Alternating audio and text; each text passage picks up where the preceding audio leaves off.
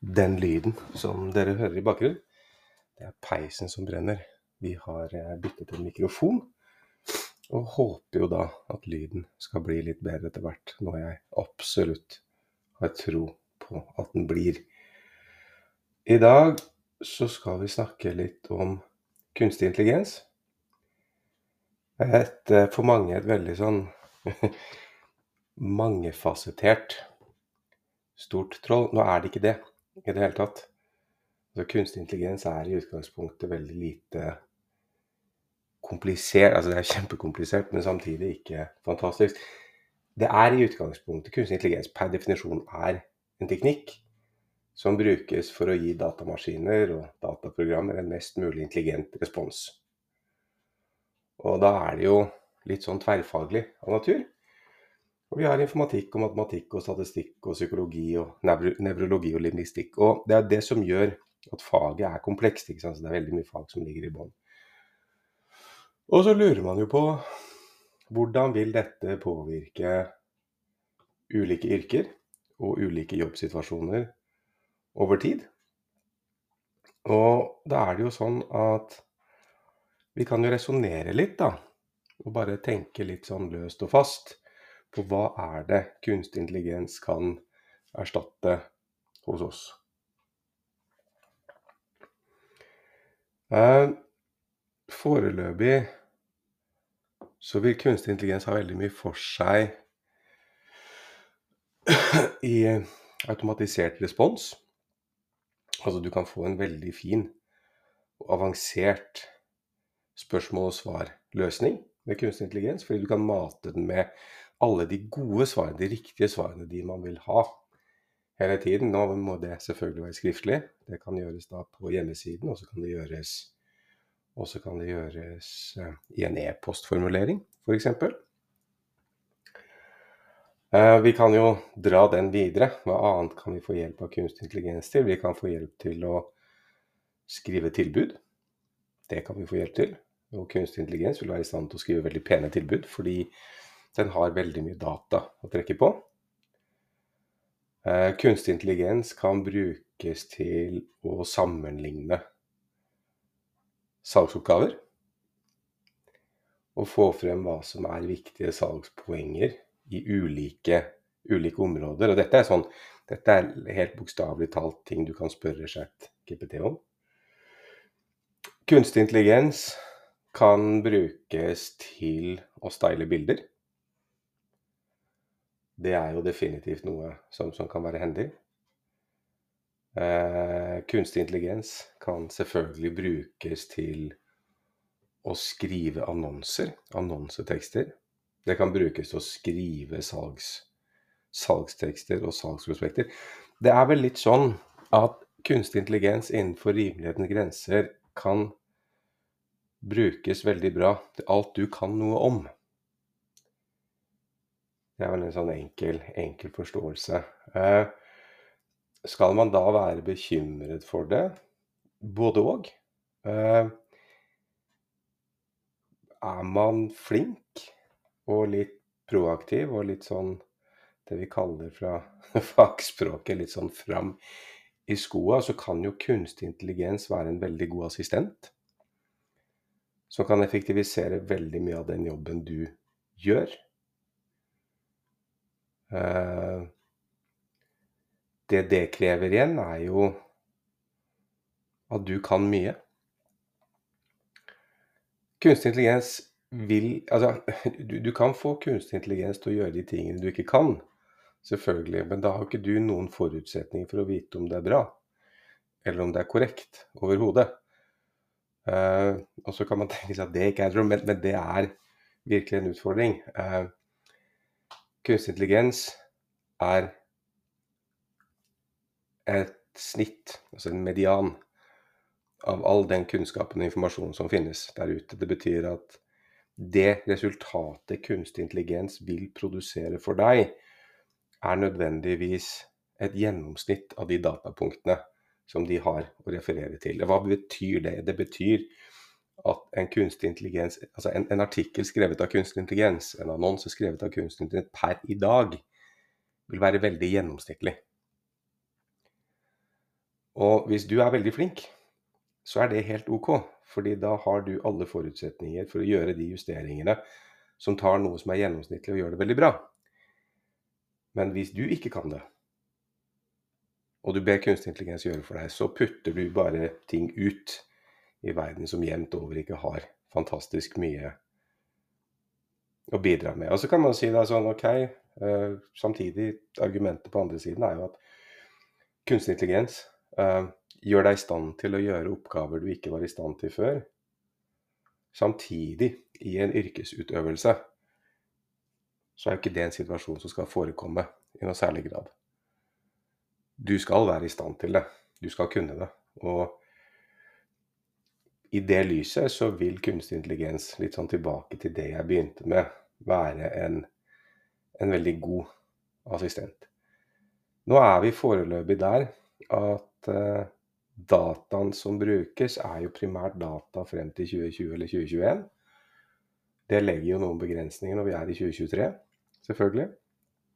Vi vet også at uh, de som utvikler kunstig intelligens, sliter med tilgang på, på ny data. Eh, det har fått med seg at både Twitter eller X, som det heter nå, og flere av de andre veldig store aktørene har, har bremsa tilgangen til data. Så datamengder, store nok datasett, begynner nå å bli vanskelig å komme over. Ikke vær bekymra, men vær cautious. Lær deg å bruke det.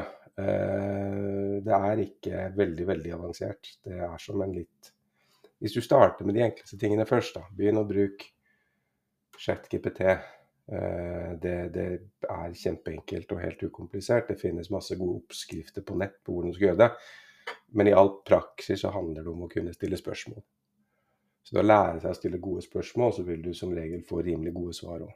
Den vil kunne lage en markedsplan for deg, den vil kunne skrive annonser for deg, den vil kunne komme med forslag til overskrifter, den vil kunne sammenligne ting som du ønsker den skal sammenligne. altså kan skrive en bok altså Alle de tingene der er relativt ukompliserte, tilsvarende hvis du vil ha bilder osv. Men du vil også få litt sånn iboende feil i mye. Så, så bruk det, lær det, og vær kritisk til det. Det er vel sånn kortversjon. Men som all ny teknologi som har potensial til å endre den arbeidssituasjonen og det markedet du leverer i, så må du ha respekt til både dine kunder og til deg selv, ta deg tid til å sette deg inn i det og hvordan det fungerer. Vi bruker kunstig intelligens når vi lager kurs, og vi forklarer hvordan kunstig intelligens kan brukes i utøvelsen av det vi lærer vekk, alltid. Så, så vi har på en måte tatt dette til oss og, og integrert det i, i, alt vi gjør. Uh, men samtidig vært veldig tydelig på at dette er, det er et hjelpemiddel, det er ikke et substitutt. Det er noe som kan hjelpe deg å gjøre deg bedre, men du må fortsatt være den som kan ting. Sånn, det var det. Da skal vi videre.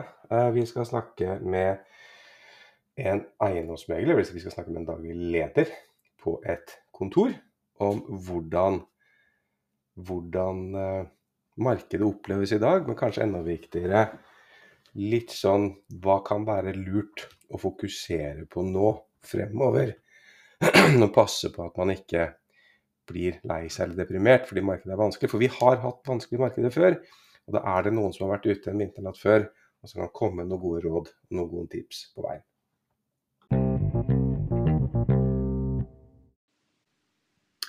Hei, og da skal vi ønske velkommen til Thomas Wahl.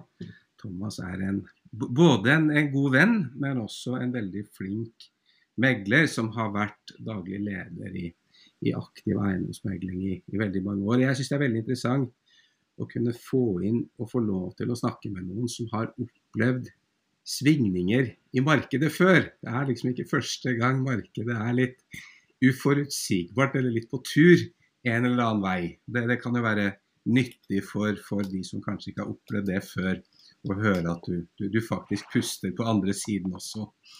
Hei, Thomas. Velkommen til oss. Hei, og takk for det. kanskje du kan fortelle, introdusere deg litt selv, da. Bare sånn litt, litt interesser og sånn. Jeg vet at du liker bil, blant annet. Veldig glad i bil. Jeg er glad i bil. Glad i alt som uh, bruker eh, drivstoff. Eh, Thomas Wahl heter jeg. har jobbet som eiendomsmegler siden 1998. Det er såpass lenge at jeg må tenke meg om. Det er 25-årsjubileum, det. 25-årsjubileum. Det hadde vi i april i år. Ja. I hvert fall på papiret så hadde vi det jubileet. Så det er moro. Det er en lidenskap og ikke en jobb, så da har man det litt sånn bedre i hverdagen. Mhm. Startet i sin tid Postbanken eiendomsmegling i 1.1.2002. Ja. Eh, som ble til aktiv eiendomsmegling i 2005. Mhm. Var nå eh, oppkjøp og fusjoneringer og DNB og Postbanken og litt av hvert der. Mm. Har vært der daglig leder og eiendomsmegler siden den gang. Ja. Så du har vært daglig leder ganske lenge? Eh, ja, jeg har jo det. Det er blitt over 20 år eh, som eh, megler og daglig leder da, i én, men to forskjellige roller. La oss er, gå, gå, gå litt sånn rett på her. Eh, har du opplevd et marked som ligner på det vi har i dag før? altså Den cocktailen som vi har i dag, den tror jeg svært få har opplevd. I hvert fall ikke i min generasjon. Eh, vi har hatt eh, både svineinfluensa, fugleinfluensa og finanskrise og eh, alt som måtte være av litt sånn eh, dommedagstider. Men en kombo nå av renteoppgang, krig, eh, olje, strøm, mat, eh, den har vi ikke sett før. Nei. Hvordan, hvordan føler og opplever du det på kroppen i dag? Eh, det verste i enhver tid eh, er usikkerhet for boligmarkedet. Ja. Usikkerheten gjør at vi sitter stille i båten, vi holder oss, eh, forholder oss rolig. Mm. Og det å ikke vite, det er det verste. Det er jo å vite at det er dyrt, eller vite at nå blir det høy rente. Nå står vi kanskje i nærheten av en rentetopp, vi får håpe det. Men det er klart at mediene liker jo å skrive om uh, all usikkerheten. Og det er det de selger på. ja. Så de, de Så det er klart at, eh. Ja, veldig. Ja. De gjør jo det. Altså, media har alltid sagt at medie, mediene er mer enn en fjerde statsmakt. Du får rett. Også, når har du lest om Ukraina sist? ikke sant? Nå har det vært Ja, Gaza i tre-fire uker. Så, så står det flest ganger, nok ganger i avisen, så tror du på det etter hvert. Mm.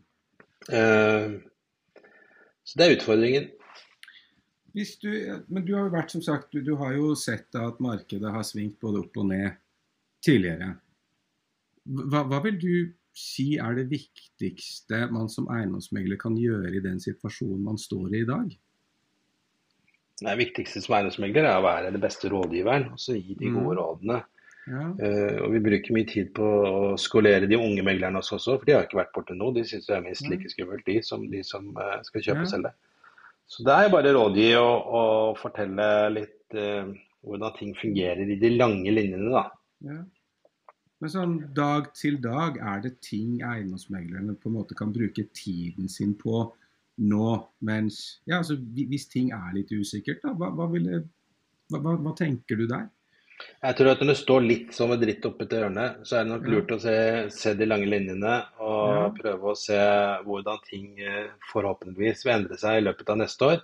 Ja, Eh, Jeg personlig mener at det ikke er bærekraftig det vi har nå. Det er mye grining hver dag, som vi sier. Eh, Ja. altså det, er, det er en metafor på at folk har det tøft. Eh, det er helt klart at eh, regjerende myndigheter og sentralbank i dag ikke har helt innsyn og innsikt i hva som egentlig skjer nede på Nei. gateplan. da. nei, Ehm, Det er klart at eh, etter at en fantastisk regjering vår eh, for en stund tilbake gikk ut og sa at nei, innen et gitt antall år så skal vi slutte med oljeleting. ja, Da sier verden at da har ikke vi noe tro på dere. Eh, Vi har ikke noe tro på Norge som økonomisk eh, stormakt. nei, Tror ikke at dere klarer å ta igjen det med å være kunnskapsrike og være gode på teknologi. nei. Og så sitter sentralbanken og heseblesende løper etter og prøver å styrke krona. Ja. dødfødt. Ja. Det mener jeg, da. Det er min lille Jo, det, det, det, det Dagens positive bidrag. Eh, Ja, altså Vi prøver på en måte Ja. å forklare litt da, til kjøper og selger hvorfor er det som det er, uten at vi definitivt har en fasit på det. mm, Men, men prøver å ikke bare male F på veggen, da. Og ting vil bli bedre. Ja, men jeg, jeg skjønner, og, og det der er jo sånn, sånn i utgangspunktet altså med, med hensyn på kundene så er jo det kjempeviktig. fordi Som megler så er man jo selvfølgelig en veldig, en veldig viktig rådgiver. Så det første rådet du sånn sett gir til meglere generelt, er å være tydelig. Sette seg inn i, forstå hvorfor ting er som det er. Ja. Og samtidig klare å forklare det på en fornuftig måte til de som sitter på andre siden. Men hva tenker du litt sånn meglere som da kanskje ikke har mye oppdrag, ikke har solgt veldig mye ennå, er litt usikker på karrieremuligheter og sånn fremover. Bør, bør de hoppe av båten, eller hva, hva tenker du der? De som står dette igjennom, de ville stå det meste igjennom, mener Ja. mener jeg da. Ja, Uh, og det er klart at uh, det er alltid uh, boliger for salg, både et godt og dårlig marked. mm, et godt råd til de aller fleste som skal kjøpe seg opp, da. Det er stort sett den veien det går, i hvert fall åtte av ti. De skal kjøpe seg opp. Og det er klart at det å kjøpe seg opp i et marked som går ned, det er jo en god ting. ja, Så hvis du får 200 000 mindre for den leiligheten du har i dag, øh, så er jo det én side av saken. Men hvis du skal kjøpe deg en større bolig som blir 500 000 billigere, så er nettoregnestykket positivt. Så, Ja. så det er ikke noe, noe skummelt i det. Og så skal man selvfølgelig ta høyde for at renten kan være relativt stiv, sånn som det er nå for en litt lengre periode.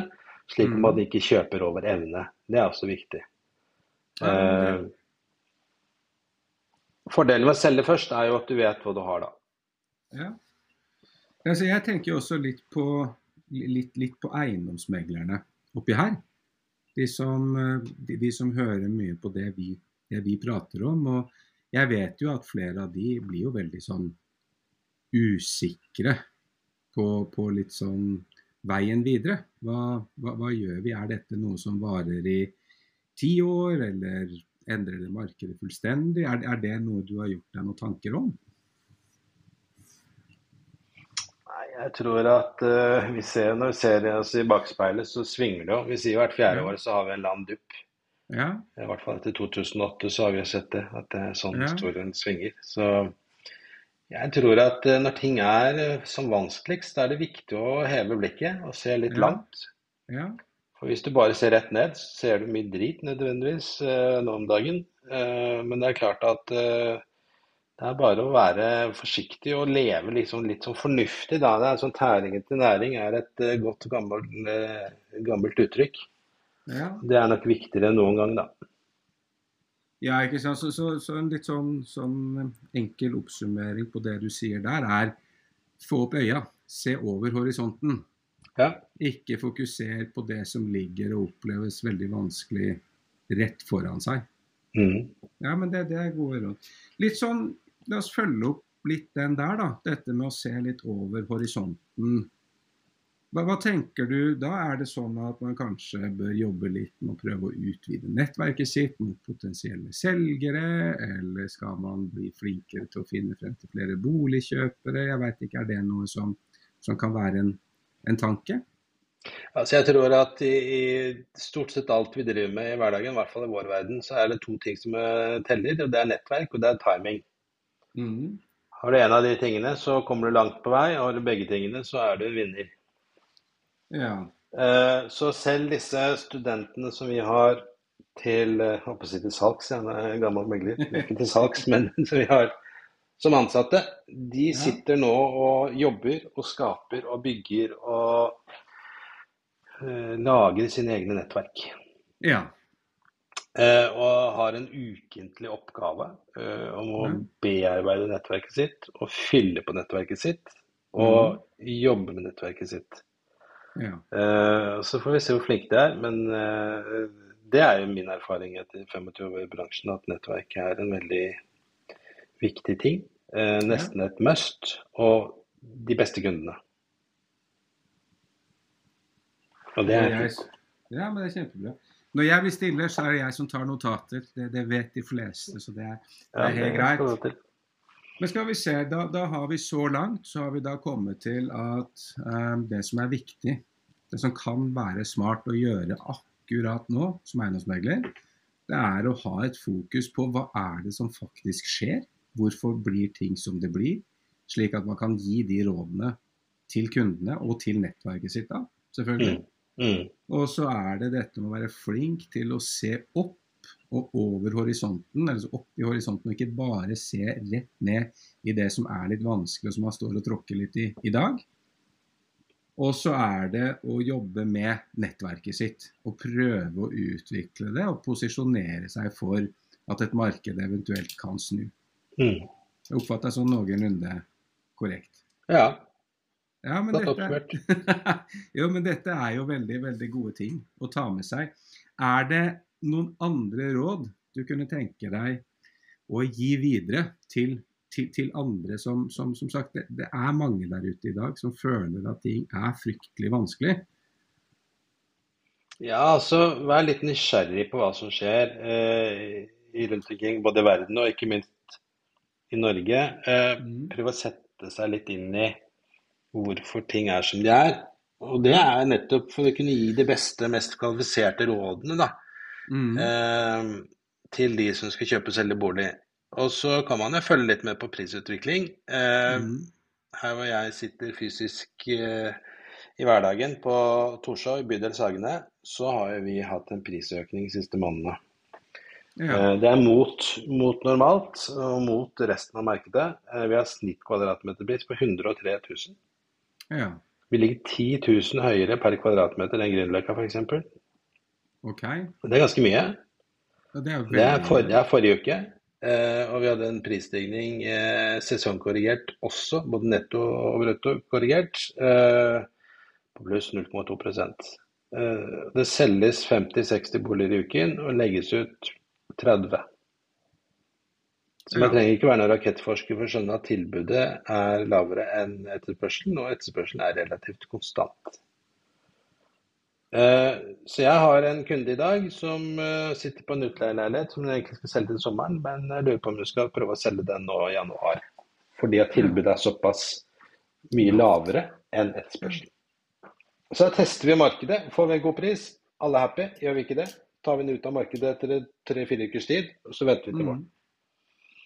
Vinn-vinn. Det der er kjempespennende. Så det å I nedgangstider vil det være fornuftig å kanskje oppsummere at det er kanskje viktigere enn ellers å være en veldig god rådgiver? Ja, godt sagt. Ja. Det er en sånn at man må liksom fokusere enda mer på dette med å Ja, nei, men det, det er bra. Men da, da, da, skal jeg gjøre en liten oppsummering på vegne av meg og Thomas her. Nummer én, du må kunne gi gode råd. Og skal du gi gode råd, så må du vite hva situasjonen er. Det betyr at som eiendomsmegler så må man være flink til å sette seg inn i hvorfor ting er dyrt, eller hvorfor ting blir solgt, eller hvorfor ting ikke blir solgt. Man må kunne svare på ting. Det er viktig at du som eiendomsmegler tar deg tid til å se litt lengre frem enn det som skjer neste uke. For du jobber i et marked med lange konjunkturer. Og så er det viktige ting. Det er veldig viktig. Eiendom er viktig for folk. Og, det gjør at det blir mye følelser. Og da kan små tuer velte relativt store lass på kort sikt. Så ha, ha linjene på ting. Jobb med nettverket. Vær flink til å, til å bearbeide det. Eh, og så er det dette til syvende og sist med å være nysgjerrig på tingene som skjer. Det var grei oppsummering, Thomas. Det var en veldig fin oppsummering. Jeg sammenstemmer i den. Ja, det var, dette var dine råd. Så da, men vet du hva, da skal jeg si tusen takk på vegne av oss i Visningsterapi og de lytterne vi har. Og så skal vi ønske Thomas en veldig god dag videre. Takk for